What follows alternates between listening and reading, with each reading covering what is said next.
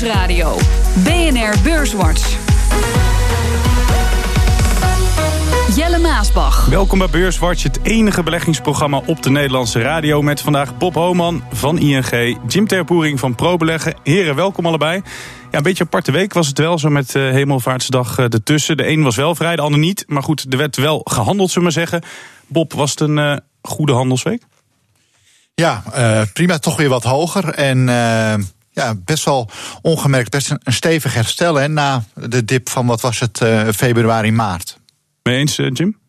Ja, zeker. Uh, heel stevig herstel zelfs. Zeker als je bijvoorbeeld meeneemt dat er toch ook al aardig wat dividend uit de index is gegaan. Dan uh, sta je weer een beetje op de top die we uh, in januari zagen. Dus eigenlijk is alle ellende die we hadden, die is weer achter de rug. Het was de week van alweer Air France KLM. De luchtvaartmaatschappij raakte verder in de problemen. Het maakte bekend dat de schade van de stakingen niet 300, maar 400 miljoen euro is. En politici en deskundigen vallen over elkaar heen over nationale trots KLM.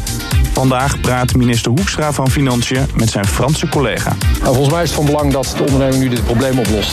En dat ook de vakbonden in Frankrijk daar verantwoordelijkheid voor nemen. De week dat PostNL bekend maakte dat de kwartaalwinst flink was ingezakt. Maar topvrouw Herna Verhagen verzekerde dat het, in tegenstelling tot concurrent en voormalig jager B-Post, genoeg verdient met de pakketjes. Wij verdienen zeker aan de pakketten. Inmiddels komt 42% van onze omzet uit e-commerce logistiek. Dus uit pakketten en pakketten gerelateerd. En dan zeggen wij, dan zijn we in onze transformatie heel erg goed uh, op weg. En president Trump de Iran-deal op heeft geblazen.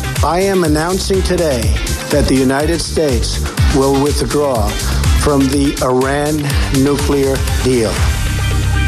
Ja, Bob, van tevoren werd er wel gevreesd dat uh, president Trump die deal zou opblazen. Nou, dat gebeurde dus deze week. Maar is het of niet erg, of was het al een beetje ingeprijsd? Want ik zag niet heel erg heftig gereageerd worden op die markt.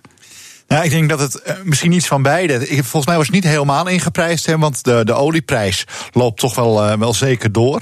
Um, maar van de andere kant is er ook nog een hoop onbekend. Hè. Dus eerst een half jaar uh, moet er nog aangekeken worden wat voor sancties er nu, uh, nu komen. De rest van de wereld lijkt niet, uh, niet mee te willen doen. Europa neemt misschien zelfs tegenmaatregelen als Europese bedrijven um, geraakt worden. Dus het zou mij ook niet verbazen als de olieprijs nu tijdelijk even een hoogtepuntje neerzet. Wat denk jij, Jim? Nou, het was inderdaad met name natuurlijk de beweging in olie die uh, opviel. Aan de andere kant is het ook logisch. Hè. Iran is een van de grotere olielanden. En een paar procent van de productie binnen de OPEC die zal straks wegvallen. Um, dus ja, dat beperkt straks het aanbod. Maar ja, uh, verder als je wereldwijd kijkt, vind ik het ook best wel bijzonder. Het lijkt wel alsof we de gekke en onderdachte acties van Trump een beetje gewend aanraken. Ja, nou, dat was precies mijn punt. Alsof we de, met z'n allen denken, of tenminste de handelaren, van nou ja, hè, we hebben het wel vaker bij hem gezien dat hij met zo'n gekke actie komt. Uh, en, en, vervolgens misschien toch weer wat water bij de wijn doet en het uiteindelijk meevalt. Hè. Dat is misschien waar de markt een beetje op gaat rekenen. Ik denk overigens hier dat in dit geval niet zo is, dat hij hier wel stevig in blijft ja. zitten. Maar dat Amerika wel alleen alleen staat. En het zou me dus ook niks verbazen als olie gewoon geëxporteerd blijft naar, nou, wat zijn de grote afnemers, Korea, Japan en Europa. Ja, dus moet je nu in de olie uh, aandelen? Nou, die gaan hier uiteindelijk, als we dit niveau houden, uh, wel uh, ja, garen bij spinnen. En omzet mee creëren. De markt is natuurlijk moeilijk. Hè. We hebben deze week cijfers gehad van Boskalis. Hier zagen we Fugro. Die echt baat hebben bij een hogere uh, energieprijs. Dus vanuit dat perspectief gunstig. Ik zat nog even te denken aan wat Bob net ook zei. Hè, Trump houdt hij hier aan vast of doet hij straks water bij de wijn? Hij voelt zich denk ik ook sterk, want toen het over die handelsoorlogen ging waren het uiteindelijk de Chinezen die zwichten. Dus misschien is het ook nu wel weer Iran dat zwicht. Ja, wat je... En wat we denk ik niet moeten vergeten met die olie, hè, de olieprijs, maar ook, nou, kijk naar Shell, uh, was de slechtste performer tot nou, maart, denk ik. En nu de best, na IT, de best performende sector. Dus ik heb zoiets van, nou, misschien wel eventjes een, periode om een beetje winst uh, te nemen. Ja, even wat, wat gas terug. Uh, nu hebben we het over die olieprijs. Als je ook bijvoorbeeld kijkt naar de Amerikaanse bedrijven, die hebben echt wel last van die strengere sancties. Uh, Boeing zag ik bijvoorbeeld ertussen zitten, Jim. zijn er ook bepaalde bedrijven die je nu juist moet gaan mijden? Nou, kijk, Iran had uh, bij mijn weten 100 uh, vliegtuigen bij Boeing besteld. En daar verloren ze anderhalve, twee procent op de waarde uh, op. Um, als je verder kijkt, behalve olie gerelateerd, ja, is er niet heel veel handelsactiviteit per definitie met Iran. Dus ik zie niet direct bedrijven die hier echt hard door geraakt worden. Het is met name Iran zelf natuurlijk dat geraakt zou kunnen worden. Ja, dan een andere belangrijke gebeurtenis waar ook niet echt op werd gereageerd. En dat had met iets heel anders te maken. Dat is namelijk Italië. Wekenlang proberen ze daar een regering te vormen. En deze week kwam er ineens goed nieuws met een hoofdrol voor deze man. Complimenti, siete così bravi che mi viene voglia di invitarvi al Bunga Bunga. Ja, Boonga Boonga feestbeest. Silvio Berlusconi lijkt de boel te redden daar. En is een beetje flauw voor mij dat ik dat fragmentje erin gooit. Maar ja, het is ook een man die ik niet heel erg serieus eh, neem. Jim, hij zou de, dit keer de politieke padstelling doorbreken... en een nieuwe regering mogelijk maken. Omdat hij zijn fiat geeft aan een nieuwe coalitie. Is dat goed nieuws dat Berlusconi de ja, redder van Italië is? Nou, voor Italië misschien wel, want we hadden het inderdaad in de aanloop naar de uitzending er al over. Uh, dat dit wel eens een breekpunt zou kunnen worden voor de coalitie. Nou, nu zegt hij dus van nou, ik zal het prima vinden als mijn bondgenoot Letja is dat geloof ik, uh, samen met de Five Star Movement toch de regering gaat vormen. Uh, positief denk ik voor Italië, maar wat wel een, misschien voor Europa nadelig is, is dat zowel uh, Letja als de Five Star Movement echt anti-Europa zijn. Dus het is heel rechts en anti-Europa. En dat ja, kan zorgen voor verdere fragmentatie want Italië is een van de grootste economieën binnen de eurozone. Maar het is een beetje hetzelfde weer als met dat slechte nieuws van Iran. Hè, of dat dat, dat zo'n belangrijk gegeven wordt, uh, wordt opgeblazen, een akkoord. Vroeger keken we elke keer heel scherp naar die Zuid-Europese landen, Bob. En ik heb het gevoel dat ook bij Italië ja, dat nu niet bepaald hoog op de, of op de agenda staat. Nee, het lijkt al. Er ging wel wat van de koers af. Italië tegen de markt in wel wat lager. Maar nog steeds volgens mij de best presterende beurs van Europa dit jaar. Ondanks die daling van deze week. Maar ik denk wel dat het serieus is. En natuurlijk kan het best gunstig zijn voor Italië als ze een regering krijgen. Ik denk op lange termijn dat het echt gewoon slecht is. Want als deze twee samen aan de macht komen, zijn heel erg eurosceptisch. En gaan allerlei maatregelen die Italië echt wel nodig heeft om op lange termijn economisch te floreren. Terugdraaien, bijvoorbeeld pensioenleeftijd en dat soort dingen. Ja, dat gaat gewoon niet. Hè. Als je uh, in een periode dat het economisch gezien in Europa heel goed gaat en Italië blijft al achter, dan moet je gewoon wat aan je, aan je structuur doen. En dat willen zij gewoon niet. En uiteindelijk zorgt dit denk ik wel voor problemen in Europa. Dus ik, ik hoop ook dat het niet doorgaat, moet ik eerlijk zeggen. Nee, Anti-Europa, je hebt natuurlijk de enorme schuldenberg. Eh, politiek stabiel zijn ze nou ook weer niet heel erg te noemen, Jim. Dus wat verwacht jij? Gaan ze uh, als dit doorgaat, de rit uitzitten? Of krijgen we volgend jaar weer dat we hier uh, in Beurswatch over de verkiezingen in Italië aan het praten zijn? Ja, je noemt uh, Italië en we kunnen natuurlijk wel wat meer landen daaraan toevoegen die gewoon een historie hebben van hè, uh, politieke uh, corruptie, muntdevaluatie, extreme rentes. En ja, Italië floreert dankzij de lage rente die ze hebben omdat ze meedraaien op Europa. Maar ja, ik denk dat we gewoon moeten accepteren als Europa dat dit onderdeel is van de toekomst. En dat gaat niet veranderen. Misschien, je mag zoiets niet zeggen, maar misschien zit het wel nee, gewoon in de inborst van de Italiaan. dat, uh, de Romeinse keizerrijk was dit natuurlijk ook al aan de orde van de dag. Ja. Maar ik denk inderdaad, dan staan we hier voor als er een regering komt. En met zo'n vijf-sterrenbeweging ook. Dat zie je met dat is een land onafhankelijk. Een partij die snel gegroeid is. Ja, daar zitten allerlei mensen in. En dat zijn over het algemeen mensen die, uh, die wat sneller ruzie krijgen dan, ja. uh, dan ervaren politici. Ja. PVV van Italië. over ruzie maken gesproken. Ook deze week ging de Air France KLM-soap door. De Fransen daar die maken ook ruzie, maar dan in de vorm van staken.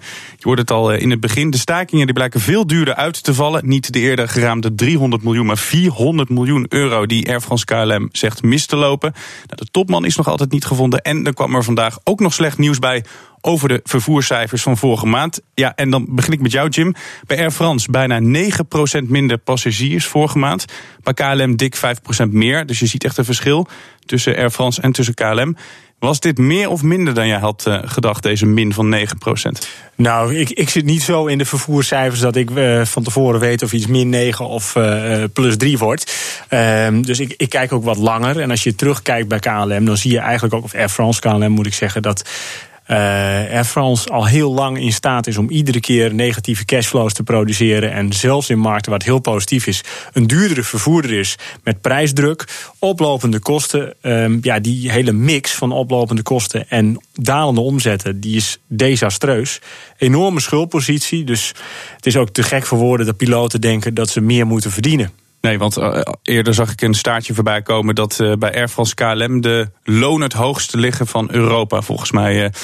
Maar dan dat ene onderdeel, dat belangrijk onderdeel, KLM, dat lijkt nu wel echt een nationale troetelbeer hier te zijn. Want zelfs minister van Financiën Hoekstra, die bemoeit zich met het onderdeel. Snap jij dat, Bob, dat dat zo erg leeft? Ja, ik snap het wel, want KLM gaat best wel goed. Hè. Dat zie je in, in deze cijfers. Het zijn die stakingen ook echt die het bij Air France verpesten. Hè. Want, uh, en wat ik echt kwalijk vind, is dat juist in een periode dat je die winst nodig hebt, want het is een hele cyclische business en de cyclus is nu goed, ja, dan moet je een buffer opbouwen. En ja, en als je dan ziet wat Ryanair of, of EasyJet he, voor salarissen betalen en hoeveel de loonkosten daar zijn ten opzichte van de totale omzet, ja, dat is bij Air France KLM vele malen hoger. Dus ja, men moet daar wel water bij de wijn doen, denk ik. Maar daarbij ook gezegd, KLM alleen zelfstandig is ook te klein eigenlijk. Hè. Dus het is ook een soort ja, een verstandshuwelijk ja, tegen wil en dank. Ja, het is elke keer wat ik voorbij zie komen als er iets met Air France KLM is, dat iedereen maar over KLM heen valt. Van we moeten, we moeten het met z'n allen terughalen. Misschien een beetje te chauvinistisch, Jim. Ja, of dan zou je met, met een andere partner in, in zee moeten. Maar je moet wel een partner zoeken.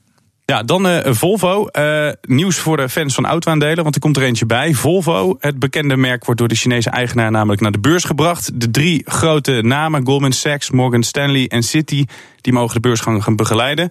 Overigens, dit jaar zal die plaatsvinden. En Volvo is, hou je vast, naar schatting tussen de 15 en 30 miljard dollar waard.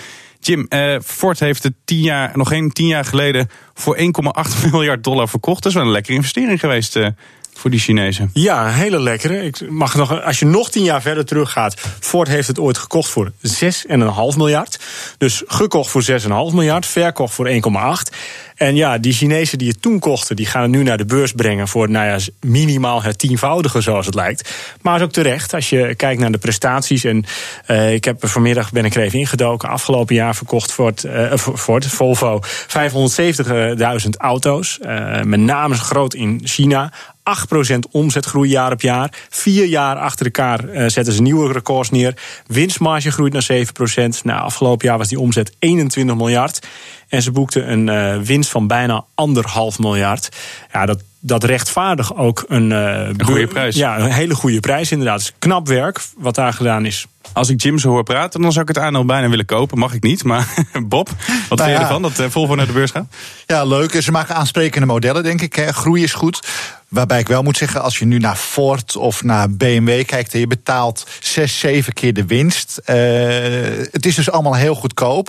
Vo, uh, Volvo moet nu 15 keer de winst opbrengen. Geely, de moedermaatschappij, noteert dat ook op de beurs overigens. Dus dat is een dure uh, autofabrikant.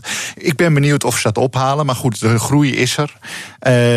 maar voor de auto-industrie over het algemeen... Hè, die koers-winstverhoudingen die heel laag zijn... dus goedkope aandelen met hoge dividenden... lijkt ook wel terecht. Want die business moet heel veel uh, investeringen doen de komende jaren in, in zelfrijdend en in uh, elektrisch rijden. Ja, want zijn dat een beetje goede beleggingen gebleken, die auto-aandelen, de afgelopen tijd? Nou, ze zijn helemaal stil eigenlijk al sinds 2013, denk dividendrendement, ik. En ja. dividendrendement is een procent of zes, denk ik wel. Ja. Ja, dus dat is waar we dan gaan kijken zo meteen uh, ja. bij Volvo. Maar Volvo is dan dus wel echt een uitzondering uh, ten opzichte van die andere grote merken. Die uh, overigens nog, BMW is in die zin nog twee keer zo groot als je kijkt qua omzet en aantallen verkochte auto's.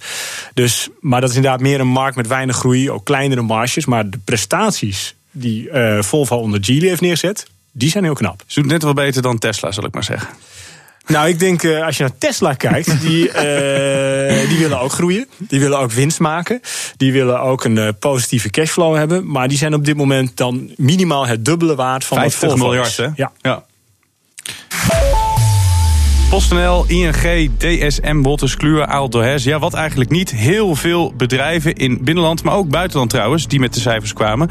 Je hoort het zo in het vervolg van Beurswatch. BNR Nieuwsradio. BNR Beurswatch. We gaan het hebben over alle Nederlandse bedrijven die de boeken openden deze week. En ook een beetje over Mickey Mouse en consorten. Jawel, nog steeds van de partij hier zijn Bob Homan van ING, Jim Theo Poering van ProBeleggen. Maar eerst nog even een korte stand van zaken. Stijgers. Op weekbasis de drie aandelen die het sterkst stegen. ArcelorMittal 4,2% erbij. ASML een plus van 3,5% en Unilever 3% hoger. Midcap aandeel dat het best presteerde deze week was AMG. Dat steeg met bijna 8%. Dalers. Dalers. Dalers. ING 3,7% ervan af. Philips Lighting volgde met een verlies van 3%. En Philips zelf ging bijna 2,5% naar beneden. In de midcap was de grootste daler deze week Air France KLM. Dat ging 8,6% achteruit. Jim, we hoorden het eh, net al. Een heel rijtje met bedrijven die met de kwartaalcijfers eh, kwamen. ING eh, kwam net voorbij. Grootste daler. Als ik de cijfers zo zag, lichte omzetstijging. Maar de winst ging wel een stuk ruimer omhoog. Zag er, wat mij betreft, op zich wel redelijk goed uit. Maar wat vind jij ervan? Ja, sorry Bob. Op eerste, eerste gezicht zag die winst er heel goed uit. En we laten we wel wezen, wat ING de afgelopen jaren heeft neergezet... is ook uitmuntend. Hetzelfde geldt natuurlijk als het gaat over innovatie. Financieel, innovatief, allemaal sterk. Maar afgelopen kwartaal waren toch wel wat, uh, ja, was, was wel wat tegenvallend. Um, die winst die werd bijvoorbeeld gestuurd... doordat er minder voorzieningen waren voor uh, slechte leningen. Dus dat is meer een boekhoudkundig trucje om de winst uh, wat op te pompen. Uh, mag gewoon natuurlijk. Uh, de rentemarge die stond wat onder druk. Nou, daar is juist de focus op. En dat is het verdienmodel van ING. Dat werd dan weer gecompenseerd doordat de kredietverlening wel iets toenam. Nou, ondertussen liepen ook de kosten omhoog. En is de doelstelling rendement op kapitaal van ING wat verlaagd. Ze wilden 10 tot 12, 13 procent. Dat wordt nu 10 tot 12. Dus het is prima. Alleen dit kwartaal en de vooruitzichten zijn iets getemperd. Ja, dan zag ik ook nog wel dat ze flink meer klanten hadden binnengehaald. 400.000 wereldwijd. Ondanks de commotie om die salarisverhoging van Ralf Hamers. Boeit beleggers en dus ook klanten eigenlijk helemaal niks, hè, die salarisverhoging. Nee, kijk, ik vond het zelf ook wel uh, wat ver gaan. Vooral als je kijkt waar ING vandaan komt. Uh, en dat ze ooit onder uh, Jan Homme, die daar nou, niet zo heel goed voor beloond is, weer echt en, ja, misschien wel de beste financial van Nederland zijn geworden. Um, maar het weerhoudt mensen niet van om naar ING te gaan. Sterker nog, ik ben zelf ook klant bij ING. Je bent gewoon aan de bank gebonden, want overstappen is niet zo heel erg makkelijk. Nee, het, het, is moeilijk om je rekening op te zeggen. Nou, hoofdrolspeler CEO uh, Hamers is overigens uh, optimistisch over de rest van het jaar.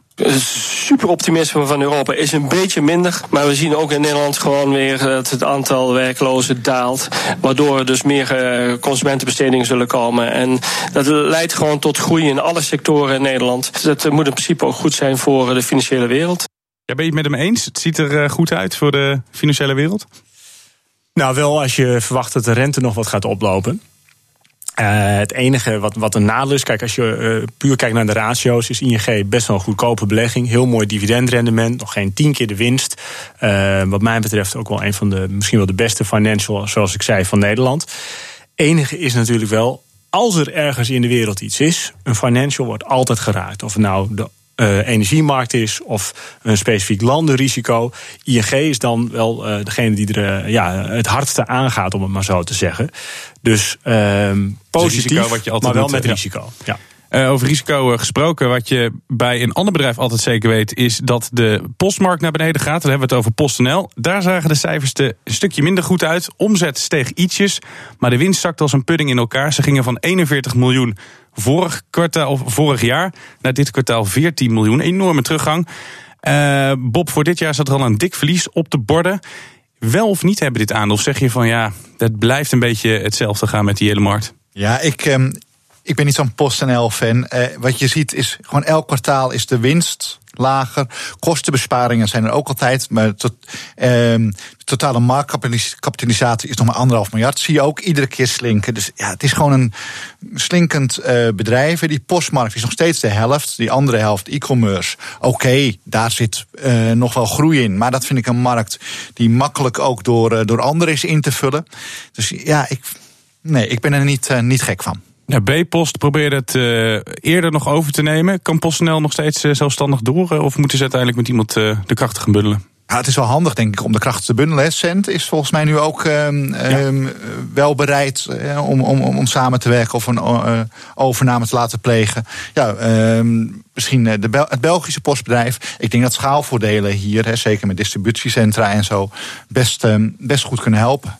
Dat was overigens, als ik uh, daar ja, iets over mag zeggen, ook de reden dat de koers uh, toch wel flink herstelde na de negatieve cijfers. Omdat Herna Verhagen zelf ook zei van ja, we gaan gesprekken voeren, er moet consolidatie komen, uh, wet en regelgeving zou moeten worden aangepast. Dus Zowel Cent als PostNL die sturen nu ook wel aan op consolidatie Ja. van de postmarkt. Dat Cent daarmee wil, dat is wel een, eh, een goed eh, teken. Eh, Supermarktreus Aal de Hesse dan trakteerde beleggers deze week op goede cijfers. Meer inkomsten, flink meer winst.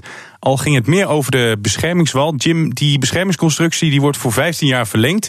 En als die in werking gaat, dus stel dat er een vijandige overnamebod komt... dan mogen aandeelhouders meebeslissen. Het is een beetje een polderoplossing, denk Ja. ik. Is het een goede oplossing?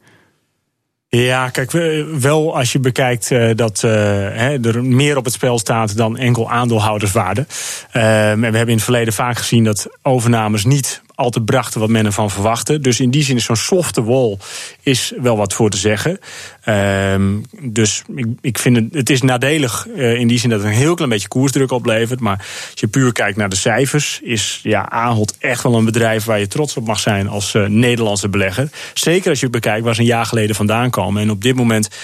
Ik geloof dat de eh, vrije kaststroom bijna 2 miljard wordt dit jaar. En dat gaat terug naar aandeelhouders. Het waren de laatste kwartaalcijfers voor Dick Boer. Dus complimentje voor hem dan eh, dat hij eh, zo op deze manier weg kan gaan. Wat mij betreft wel, ja. Het is, ik zeg dan, ja, overnames en synergievoordelen blijven vaak uit. Maar in dit geval zijn ze wel daadwerkelijk aanwezig. Ook met bijvoorbeeld België, wat nu hele sterke resultaten laat zien. Honderden eh, miljoenen euro's aan synergievoordelen. Ze lopen voor op schema. Echt, eh, ja, laten we het zo zeggen, petje af voor dik.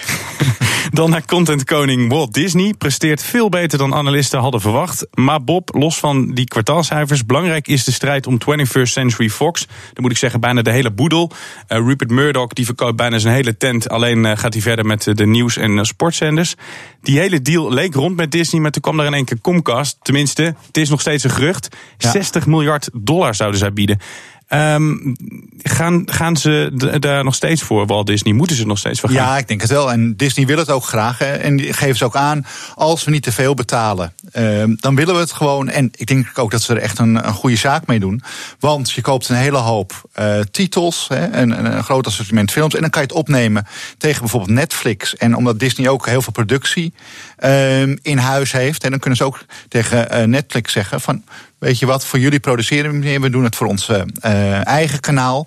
En pakken dan een heel stuk eh, van, eh, van de waardeketen. Dus ja, het lijkt me een hele goede overname. Ik heb het op zender wel eens een keer de Netflix-killer genoemd. Maar als je ziet wat een gigantische content Disney heeft. en wat ze met 21st Century Fox binnenkrijgen. bijvoorbeeld The Simpsons en Glee, dat soort series. dan heb je dus echt wel een goede concurrent van Netflix. Absoluut, ja. Wat mij wel opvalt, AT&T wil voor Time Warner gaan. Nou is dat de grote vraag of dat wel door kan eh, onder deze president. Want die lijkt de deal eh, te blokkeren. Waarom willen die telecom- en kabeljongens die mediareuzen zo graag... eh, Ja, dat, dat is denk ik vrij makkelijk.